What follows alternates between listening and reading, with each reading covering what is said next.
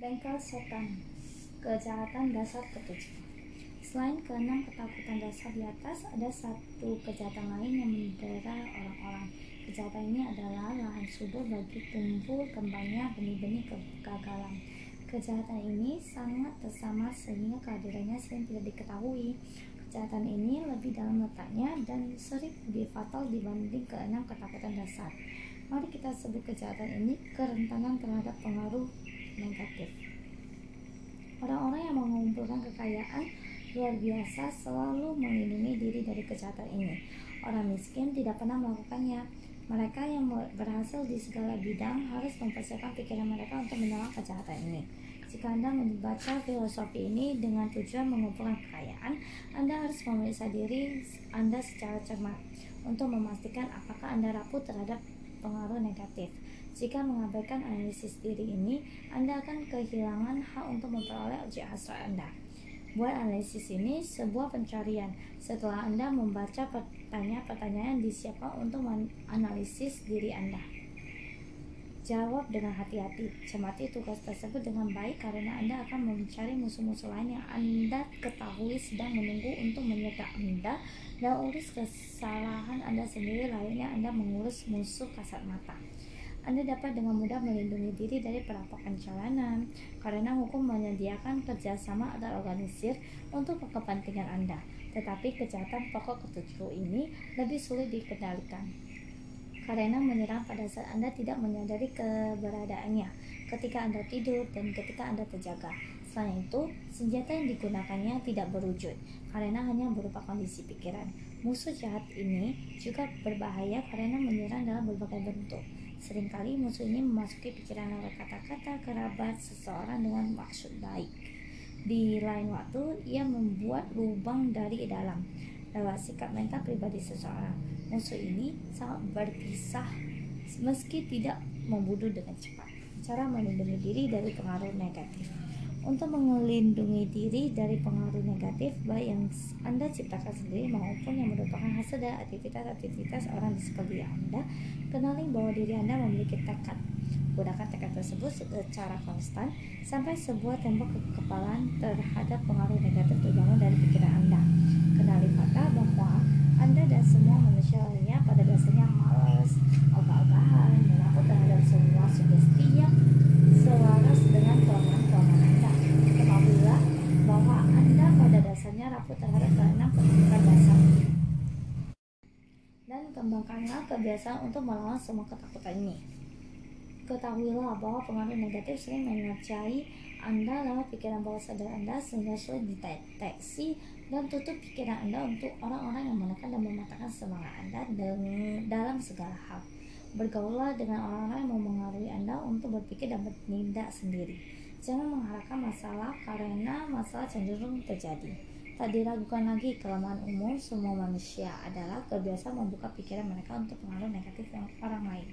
Kelemahan ini sangat merugikan karena sebagian besar orang tidak mengetahui bahwa mereka dikutuk dengan kelemahan ini dan mereka yang mengakuinya abai dan menolak memperbaiki musuh ini sampai ia menjadi bagian yang tidak terkontrol lagi dan kebiasaan sehari-hari mereka.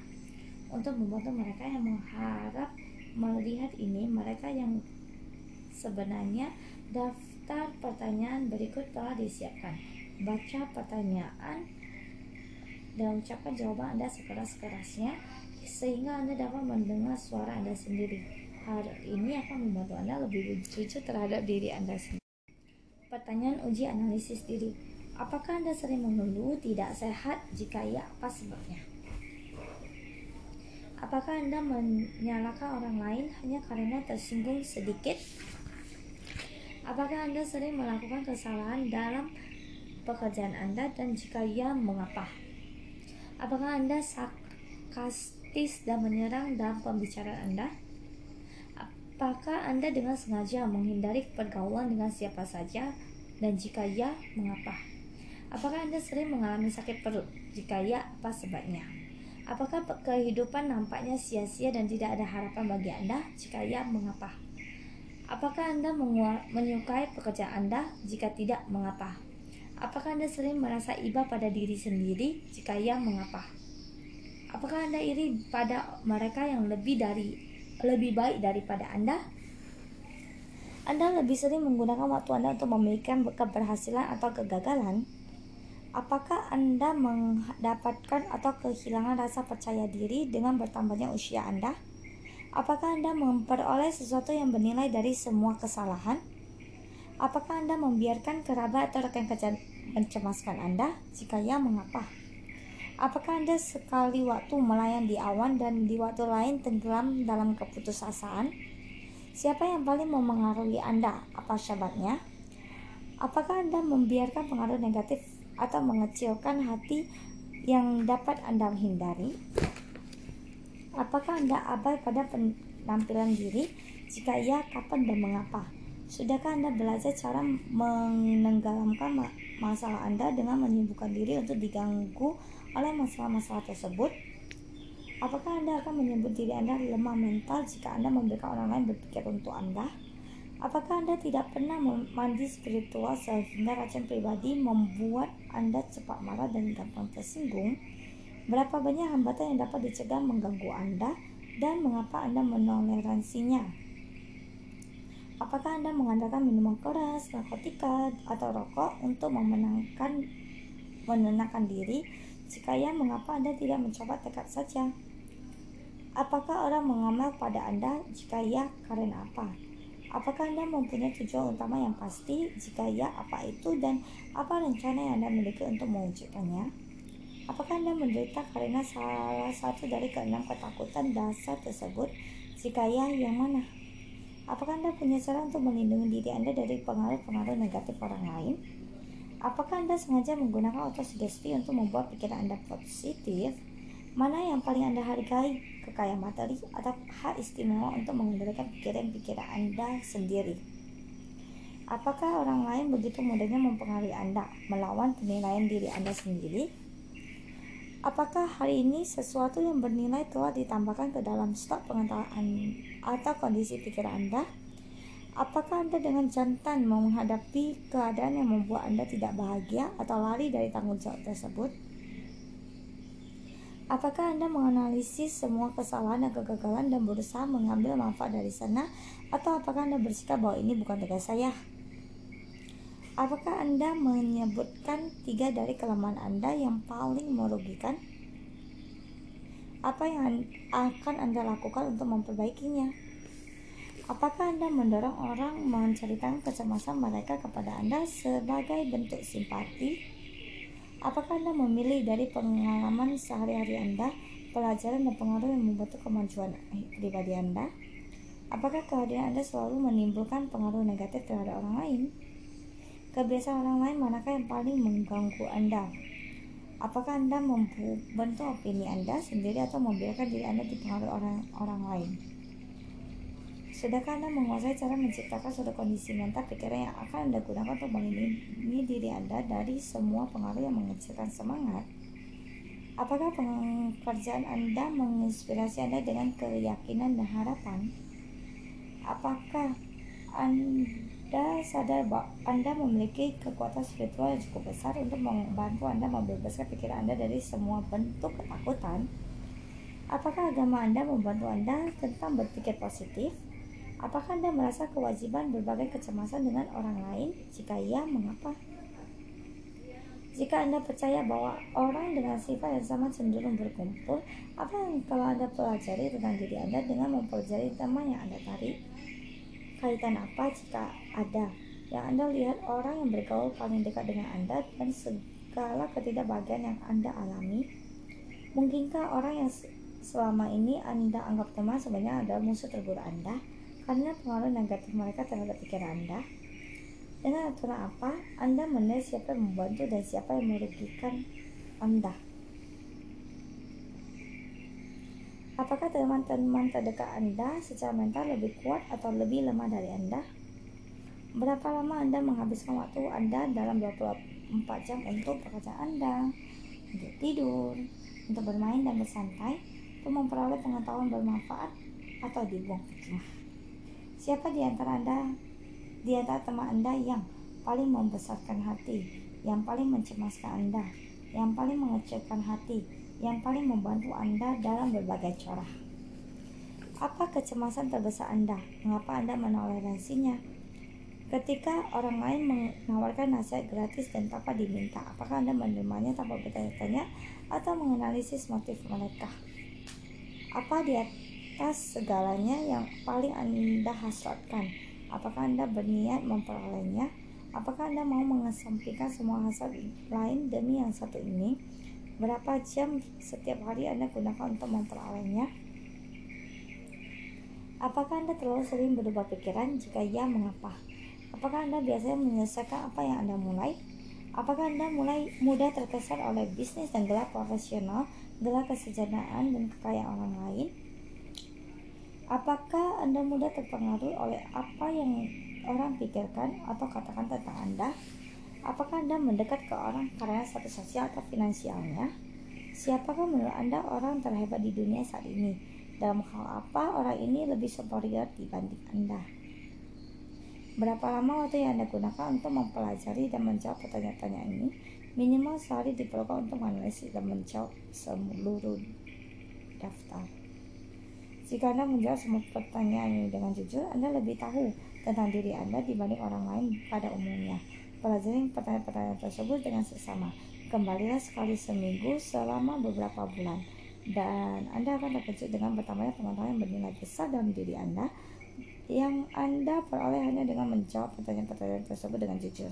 Jika Anda tidak yakin dengan jawaban untuk beberapa pertanyaan tertentu, minta nasihat dan mereka yang tahu benar tentang Anda. Khususnya mereka tidak punya motif menggoda Anda dan melihat diri Anda lewat mata mereka. Pengalaman didapat sungguh luar biasa. Anda harus mempunyai kendali mutlak atas suatu hal, dan hal ini ada pikiran-pikiran Anda. Inilah fakta yang paling penting dan menginspirasi. Kata ini mencerminkan sifat lahir kita. Hak prerogatif ini adalah satu-satunya sarana yang dapat Anda pakai mengendalikan takdir Anda sendiri. Gagal mengendalikan pikiran Anda sendiri, Anda tidak akan pernah dapat mengendalikan apa pun. Jika harus ceroboh dengan kekayaan Anda, coba dengan kekayaan materi. Pikiran Anda adalah harta spiritual Anda. Lindungi dan gunakan harta ini dengan penuh kehati-hatian untuk sesuatu yang lebih mulia. Anda diberi tekad untuk keperluan ini sayangnya tidak ada perlindungan hukum dari mereka yang baik secara sengaja maupun tidak sengaja meracuni pikiran orang lain dengan sugesti negatif. Bentuk kejahatan ini seharusnya diancam hukuman berat karena kejahatan ini dapat dan bahkan sering menghancurkan kesempatan seseorang untuk memperoleh kekayaan materi yang dilindungi secara hukum. Orang-orang dengan pikiran negatif pernah berusaha meyakinkan Thomas Alva Edison bahwa ia tidak akan dapat membuat sebuah mesin yang dapat merekam dan menyalin suara manusia. Karena kata mereka, belum ada seorang pun berhasil membuat mesin semacam itu. Edison tidak mempercaya mereka. Ia tahu pikiran dapat menghasilkan apa pun yang dapat dihasilkan dan diyakini pikirannya. Dan bahwa pengetahuan adalah sebuah yang mengangkat Edison di atas orang-orang yang biasa lainnya. Orang-orang dengan pikiran negatif pernah berkata pada Woolworths, ia akan bangkrut karena membuka toko dengan dagangan nilai 5 uh, dan 10 sen ia tidak mempercayai mereka. Ia tahu ia dapat melakukan apa saja yang masuk akal jika ia memperkuat rencananya dengan keyakinan. Dengan menjalankan haknya menutup pikiran dari negatif, sugesti negatif orang lain, ia berhasil mengumpulkan kekayaan lebih dari satu juta dolar.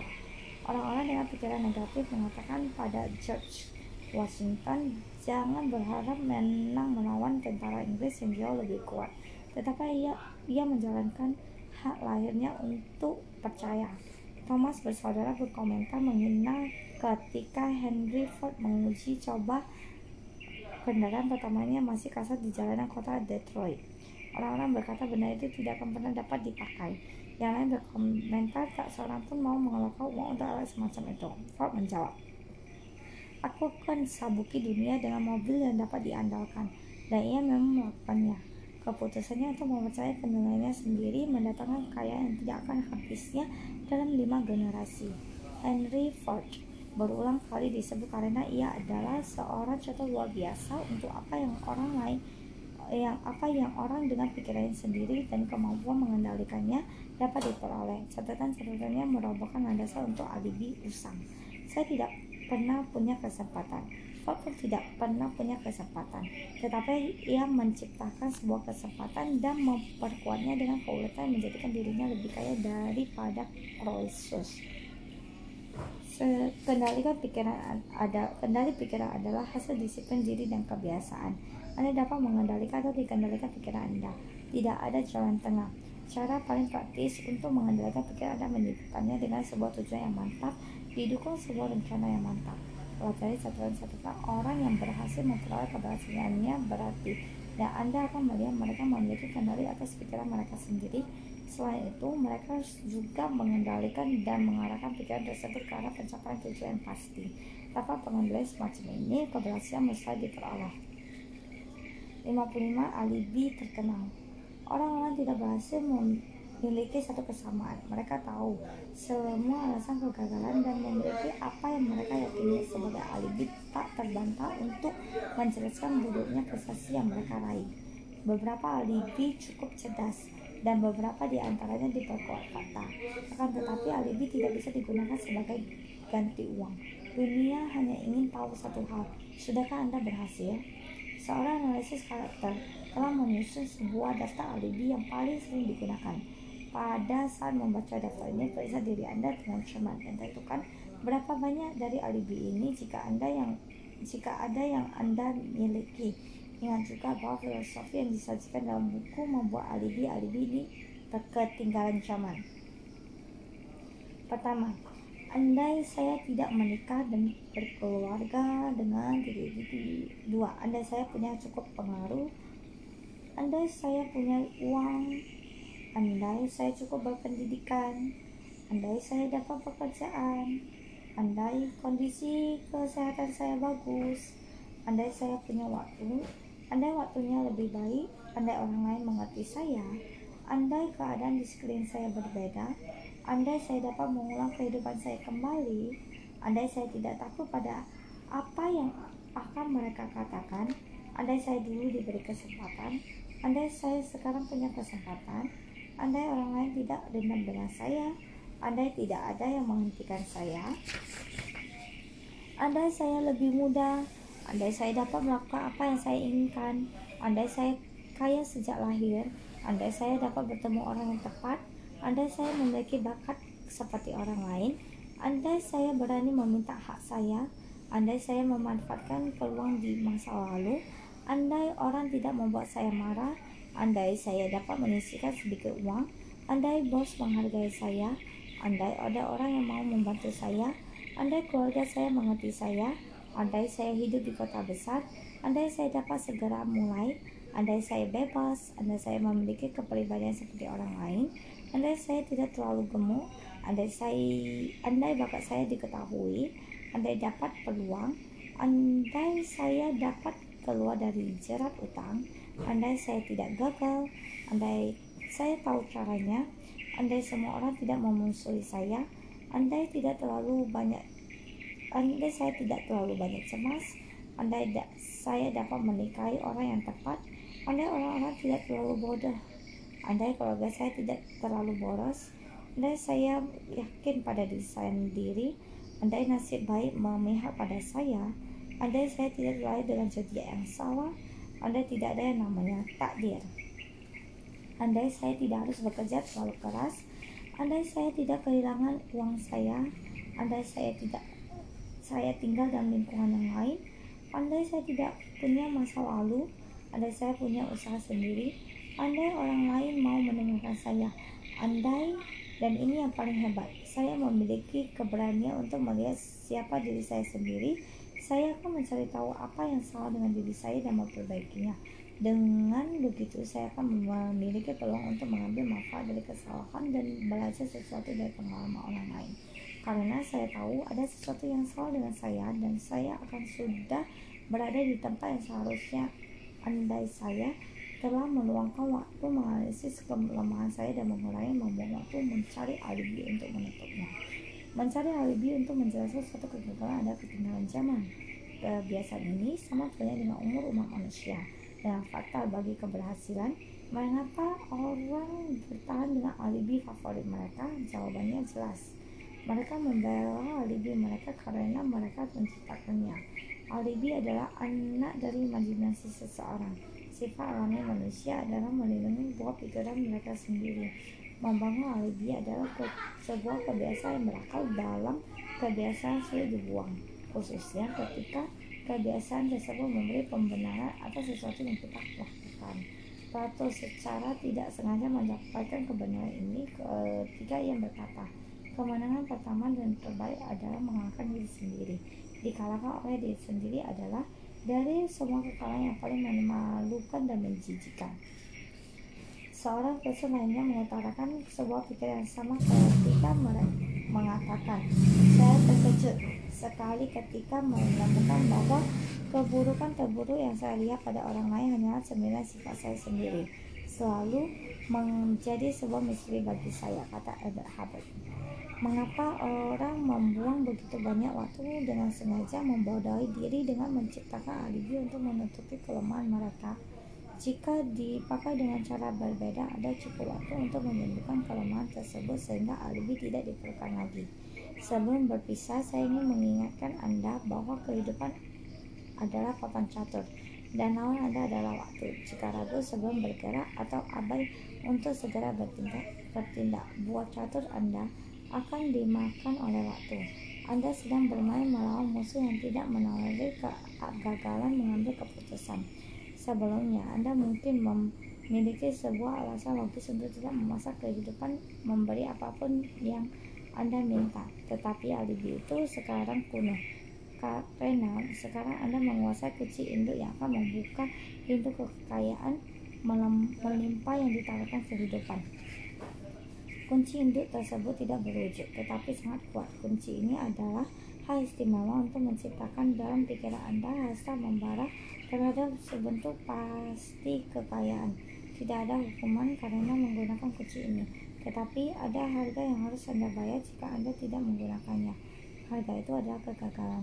Ada ganjaran luar biasa besar jika Anda menggunakan kunci tersebut. Ganjaran itu adalah kepuasan yang datang kepada semua yang mengalahkan diri sendiri dan memaksa kehidupan membayar berapapun harga yang diminta. Ganjaran ini setimpa dengan usaha Anda maka Anda segera memulai dan yakin jika bersaudara kata Emerson kita akan bertemu sebagai eh, penutup. Izinkan saya meminjam pikirannya dan berkata jika bersaudara kita telah lewat halaman-halaman buku ini bertemu. Mm, the